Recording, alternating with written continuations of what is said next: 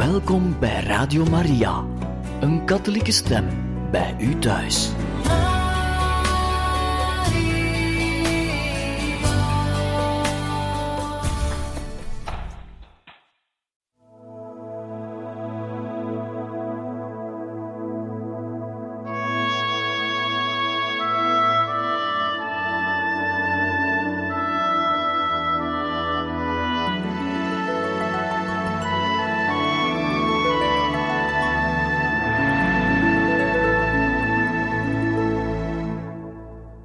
Beste luisteraars van Radio Maria, wij lezen u verder voor uit het leven van de heilige Pierre-Julien Aymar, apostel van de Eucharistie, uit het boek met de titel Morgen zal het te laat zijn.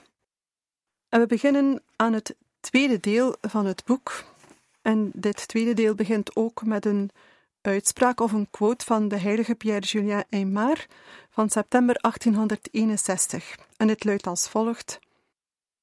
Tot nu toe was de zon van de Eucharistie nog niet opgegaan. Maar de volle rijkdom van de Eucharistie ontvouwt zich nu voor ons. Het is werkelijk verbazingwekkend. Wij zien slechts één enkele straal. Hoe zal het later zijn? Hoofdstuk 6 Een nieuwe reis, met als opschrift God zal erin voorzien, het is Zijn werk. Eerste communiteit.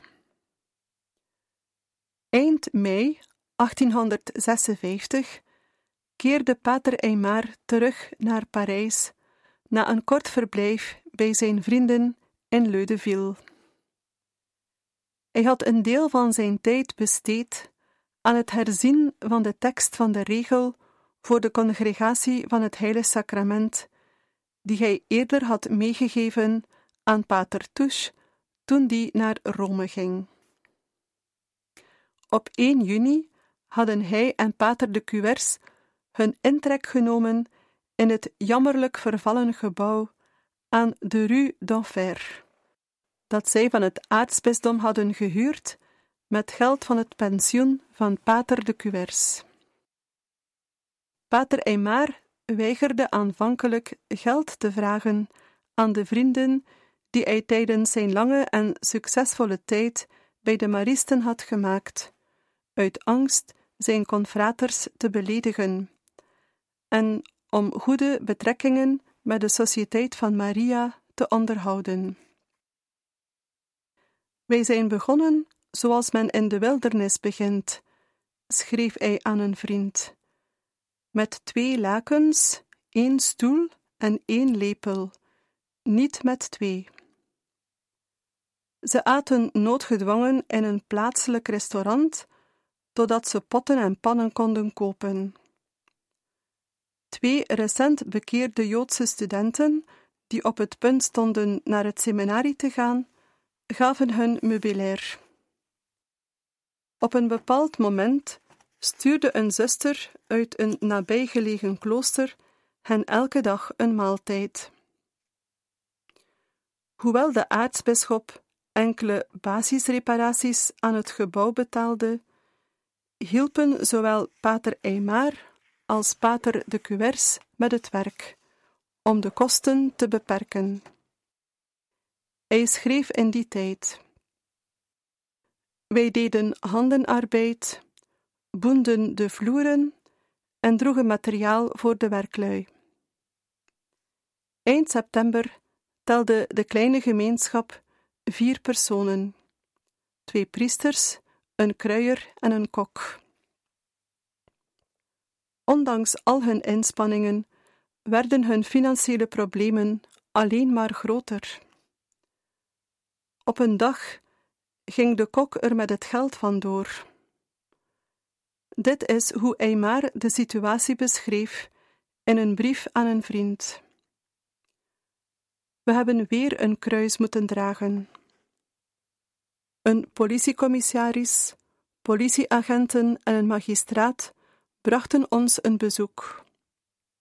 We werden dagelijks bestolen door onze kok. Hij had een duplicaat sleutel gebruikt. De stakker zit nu in de gevangenis en zal misschien veroordeeld worden. Ik moet misschien op het proces verschijnen. Stel je voor hoe pijnlijk dit voor me is. We lachen om het voorval en zeggen dat de goede Heer misschien dacht dat we te rijk werden. Het is een ontbering, maar maak je geen zorgen, we zullen niet verhongeren. De dief nam het geld dat bestemd was voor de kapel. God zal erin voorzien. Het is zijn werk.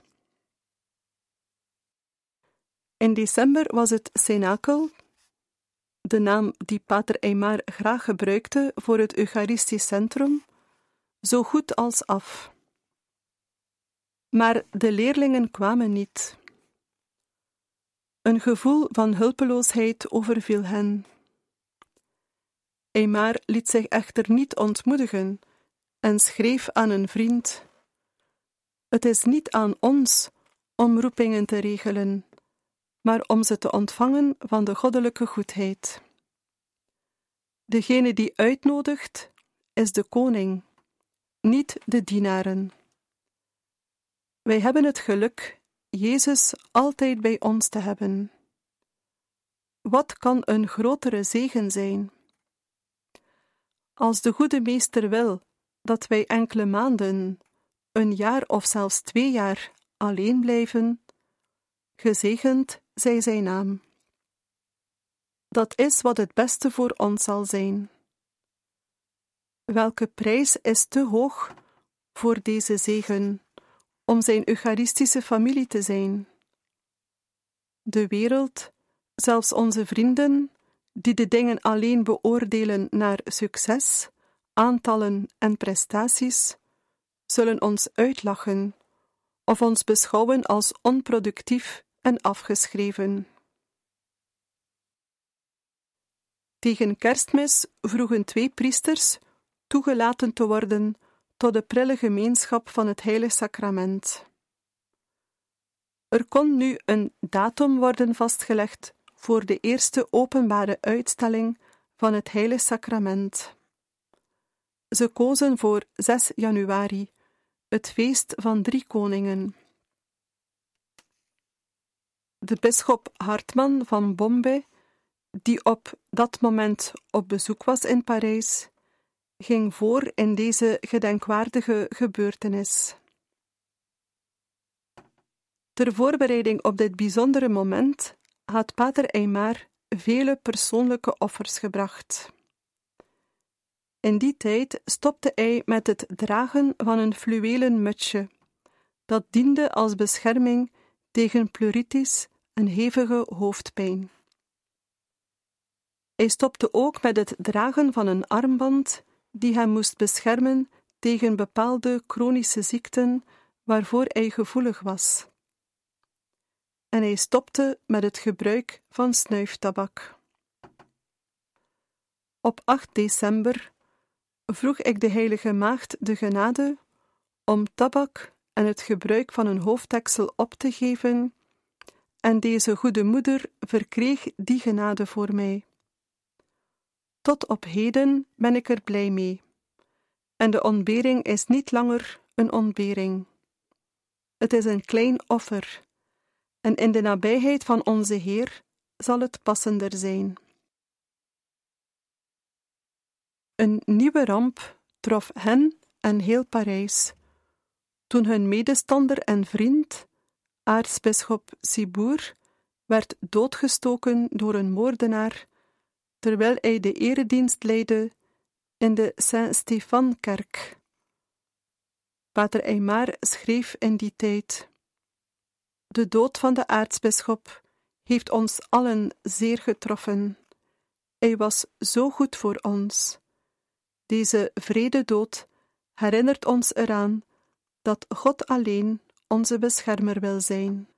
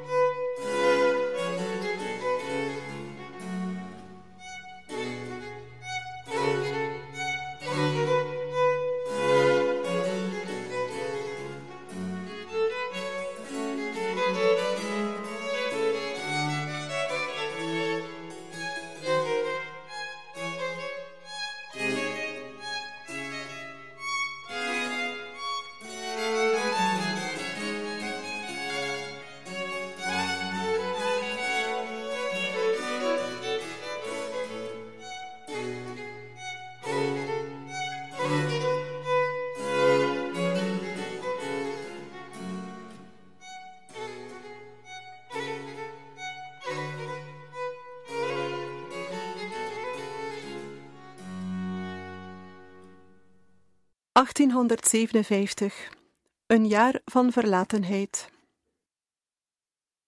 Gedurende die eerste winter was armoede hun voortdurende metgezel. Ze verkochten hun eigen boeken om niet te verhongeren. De dagboekaantekeningen van Pater Eymar vertellen het verhaal. Donderdag 26 februari. Geen geld. Vrijdag 27 februari. Pater de Cuers is ziek geworden van verdriet. Zaterdag de 28ste. Idem. We hebben van niemand hulp gekregen. Zijn gebed was wanhopig. Heer Jezus, geef mij hoop tegen alle hoop in. Kandidaten kwamen en gingen. Weinigen bleven. Niet één keer telde de gemeenschap meer dan zes leden tegelijk. Iedereen die meedeed, zat zonder middelen, en de uitgaven stegen. Aan zijn vriendin Marguerite Guillot schreef hij: Het is het uur van het lijden op Golgotha. Dit is wat mij doet hopen dat het offer gezegend zal worden. De lente bracht hen niet de belofte van groei en zonneschijn. Begin maart liet het aartsbisdom weten dat zij een nieuwe plaats moesten zoeken, omdat hun eigendom zou worden teruggevorderd door de nieuwe aartsbisschop, kardinaal Morlot. Zij liepen het risico dat ze spoedig zouden behoren tot de dertigduizend gezinnen die dakloos waren geworden door de verbreding van de boulevards van Parijs om de stad te verfraaien. Weken gingen voorbij en ze konden niets vinden. Er werden meer gebouwen vernield om Parijs eleganter te maken dan er plaats was om de ontheemden te huisvesten. Pater Eymar ging bijna dagelijks op zoek naar huisvesting. Op een nacht, eind april, keerde hij uitgeput van het lopen door de straten en ontmoedigd door het gebrek aan resultaat, terug naar de kleine communiteit, om te ontdekken dat Pater de Cuers hem verlaten had en niet van plan was terug te keren. Op die dag schreef hij in zijn dagboek: We zijn nu zonder enige menselijke steun.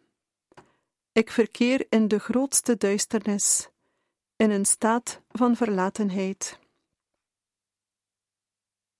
24 uur later keerde Pater de Cuers terug, enigszins in verlegenheid gebracht door zijn roekeloze gedrag, maar bereid om verder te gaan ondanks de harde tegenwind. De hele zomer lang bleven ze worstelen in hun armoede en onzekerheid. Ondertussen verslechterde de gezondheid van Pater Eymar door de stress. In augustus moest hij er tussenuit voor behandeling. Toen hij na vijf weken in september terugkwam, ging het bergafwaarts met zijn kleine communiteit. De twee postulanten waren vertrokken. Sommige plaatselijke geestelijken hadden de communiteit belasterd, en zelfs zijn oude vriend, pater Herman Cohen, had zich tegen hem en zijn nieuwe sociëteit gekeerd. De aartsbisschop had bozaardige geruchten gehoord over hem en zijn kleine groep. In oktober werd Pater Eymar ontboden in de residentie van de aartsbisschop om de papieren te overhandigen die zijn eucharistische project goedkeurden. Na een blik te hebben geworpen op de documenten, gaf de aartsbisschop ze aan zijn aartspriester, die beweerde dat ze geen officiële waarde hadden en die ze in de prullenmand gooide. Beschaamd en vernederd door de afwijzing van de aartsbisschop, vertrok pater Eymar. Hij was zo van streek dat hij vergat zijn documenten terug te vragen. Pas na enkele dagen had hij de moed om weer bij de residentie langs te gaan.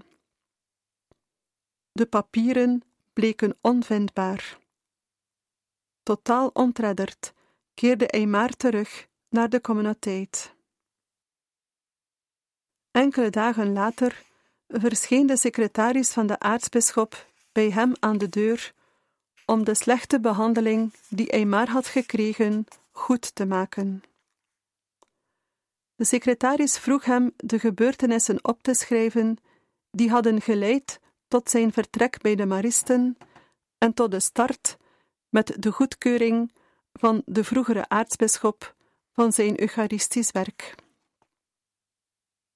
Pater Eymar stemde toe. Vanaf dat moment veranderde de houding van de aartsbisschop tegenover hem drastisch, zelfs zodanig dat de aartsbisschop zijn probleempriesters naar Pater Eymar stuurde met het bevel: Doe wat hij je zegt, ik ken geen heiliger priester. Pater Eymar was dolgelukkig met de verzoening, maar zijn problemen waren nog lang niet voorbij. Op een dag vernam hij dat hun woning verkocht was en dat ze aan het begin van het nieuwe jaar zouden moeten verhuizen. Na lang zoeken werd eindelijk een andere woning gevonden in dezelfde buurt, in de rue du Faubourg Saint-Jacques. Maar de onderhandelingen liepen spaak, en tegen kerstmis wist de kleine gemeenschap van zes nog steeds niet of ze aan het eind van het jaar een woning zouden hebben. Op kerstdag schreef hij aan zijn vriendin Marguerite Guillot: Gisteravond was ik in gebed van elf uur tot middernacht. Ik was sterk. Vandaag zou ik wel kunnen huilen. Dat zou me beter doen voelen. Gisteren, toen ik op weg was naar de aartsbisschop om de kwestie van het eigendom te bespreken, heb ik voor het eerst sinds lange tijd gehuild. Uiteindelijk werd op 19 februari het nieuwe pand gekocht in de rue du Faubourg Saint-Jacques. Maar pas met Pasen konden ze naar het nieuwe onderkomen verhuizen, om er de Eucharistie te vieren en het Heilige Sacrament uit te stellen.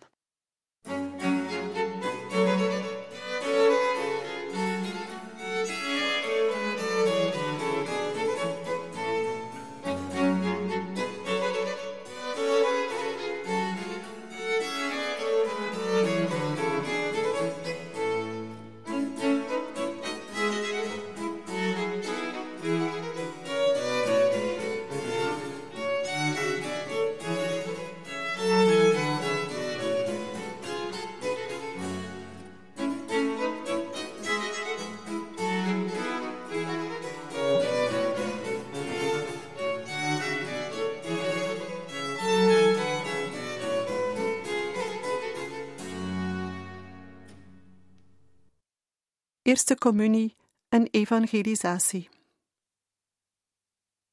De voorbereiding op de Eerste Communie, vooral van volwassenen, was destijds voor de aartsbisschop van Parijs de reden waarom hij zijn goedkeuring had gegeven aan deze nieuwe Eucharistische groep. Overal in Frankrijk ontstonden andere Eucharistische gemeenschappen en organisaties. Maar aartsbisschop Sibour merkte terecht op dat Eymars idee over de Eucharistie zich niet beperkte tot de aanbidding van het Heilige Sacrament. Eymar wilde de hand reiken aan hen die van de kerk vervreemd waren en wilde hen evangeliseren. Daarbij richtte hij zich in de eerste plaats op de kinderen en de jonge arbeiders, die een groot deel uitmaakten van de beroepsbevolking van Parijs. Hij beschreef deze arbeiders, waaruit hij zijn catechisatie-klassen vormde. Het gaat om arbeiderskinderen, vagebonden of kinderen die vroeg in de leer zijn gegaan en die de leerplichtige leeftijd voor de eerste communie voorbij hebben laten gaan. Het zijn er duizenden in Parijs. Voddenrapers en touwslagers vormden de recruten onder de arbeiders. De overigen kwamen uit de gelederen van de nietsnutten, de behoeftigen en de bedelaars. In het begin werkte Pater Eymar samen met een vrome leek, Louis Perret, die hij in Lyon had ontmoet, om de jonge arbeiders van Parijs te bereiken. Deze man, architect van beroep, nam met enkele van zijn vrienden het initiatief om fabrieken en werkplaatsen te bezoeken en slaagde er zo in dertig jonge arbeiders te laten deelnemen aan de catechese. Later, toen dit apostolaat groeide, riep hij maar de hulp in van jonge mensen van de Vincentiusvereniging, van anderen die bij hem kwamen voor geestelijke begeleiding, en van een aantal bevriende vrouwen die uiteindelijk met de vrouwen en de jonge meisjes aan de slag gingen. Maandenlang worstelde Pater Eymar met een bond gezelschap van ongedisciplineerde jonge arbeiders. Ze verstoorden de les, waren onstuimig en hadden een zeer korte concentratieboog. Door middel van vleierij, het geven van kleine geschenken en zelfs het organiseren van een loterij won hij uiteindelijk hun vertrouwen en respect. Zodra hij tevreden was over hun vooruitgang, stond hij hen toe hun eerste communie te doen. Degenen die geslaagd waren, moesten een andere leerling werven. Hij bedacht een loterij gebaseerd op een puntensysteem. Om de stilte, aandacht en studie van deze jonge werkers te behouden, verloten wij kleine kledingstukken, boeken en snoepjes. Een groot aantal punten geeft recht op iets.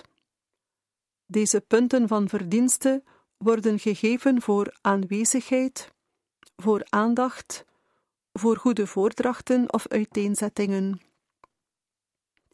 De verloting na de zondag van de Eerste Communie is de belangrijkste.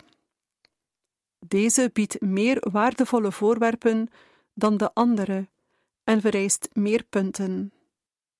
Dit is de loterij voor recrutering. Hoe ouder de kandidaat van degenen die worden aangebracht, hoe meer punten worden toegekend.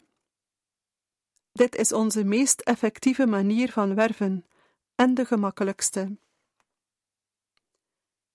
In een brief aan zijn vriend, meneer Perret, schreef hij eens dat het tombola-systeem nog steeds wonderen verricht. De punten zijn als Californisch goud. Een andere keer schreef hij over zijn werk. Onze jongens zijn missionarissen van God. Het is prachtig om te zien wat ze allemaal doen om andere jongens te vinden die hun eerste communie nog niet hebben gedaan. Dan brengen ze hen hierheen en moedigen hen aan om te blijven. Ze glippen overal binnen met charmante sluwheid. Deze jonge missionarissen recruteerden vaak meer dan hun leeftijdsgenoten. Eymar herinnert zich. Velen hebben hun vader, moeder of zussen meegebracht, die hun eerste communie nog niet hadden gedaan. Via de kinderen hebben wij gemakkelijk toegang tot de ouders, die zonder enige godsdienstige praktijk leven en wier aantal beangstigend groot is. Pater Eymar liet zijn arbeiders en voddenrapers na hun eerste communie niet in de steek. Hij hielp hen een arbeidersclub op te richten en bracht hen bijeen voor een jaarlijkse retraite. Voor de volwassenen plande hij de oprichting van een bibliotheek. Tegen het einde van het eerste jaar hadden meer dan honderd kinderen en volwassenen hun eerste communie gedaan. Het programma was zo succesvol dat er drie keer per jaar plechtigheden werden gehouden, meestal met kerstmis, Pasen en Maria ten Hemelopneming. Omdat deze jonge arbeiders de catechese alleen na het werk konden volgen, moest hun betrokkenheid groot zijn. Daarom toonden de priesters zich vrijgevig met hun tijd en beschikbaarheid. Op een dag zei Pater Eymar tegen de leden van zijn genootschap: Ik ben tevreden dat ons ambt geen zichtbare glamour bezit. Wij onderwijzen vijftig jongens in plaats van s'avonds aan ontspanning te doen. De goede God ziet het, dat is genoeg. Als we in plaats van deze jongens twaalf prinsen hadden om te onderrichten, dan zouden de mensen zeggen: Zie wat een goed werk deze priesters doen, wat een grote orde is het. Voor ons zijn deze jongens twaalf koningen. Zij vertegenwoordigen Jezus Christus, die gezegd heeft: Alles wat je voor een van deze minste broeders van mij hebt gedaan, heb je voor mij gedaan. Beste luisteraars, wij beëindigen hier voor vandaag het voorlezen uit het boek Morgen zal het te laat zijn. Het leven van de heilige Pierre-Julien Aymar, apostel van de Eucharistie. Wij danken u heel hartelijk voor het luisteren en graag tot volgende keer.